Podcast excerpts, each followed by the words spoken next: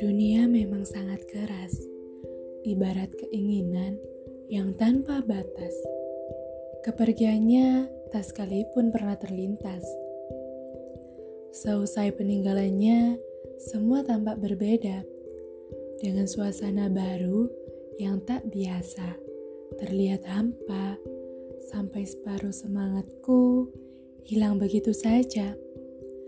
Aku yang mulai mandiri, selalu merasa sepi, sendiri, hingga akhirnya derai air mata menjadi sebuah solusi.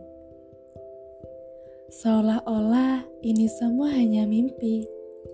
Tidak ada lagi senyuman, pelukan, apalagi pesan singkat yang terkirim untuk sekedar menanyakan kabar, melainkan keadaan memaksa kita harus lebih sabar. Aku rindu semuanya, Bu.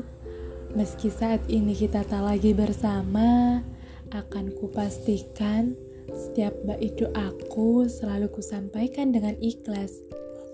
Iya benar, kehilangan sosok ibu menjadi hal yang sangat berat bagi siapa pun. Waktu tidak bisa berhenti, tetap berjalan hal layak pada umumnya memulai hari dengan harapan semua berjalan baik-baik saja.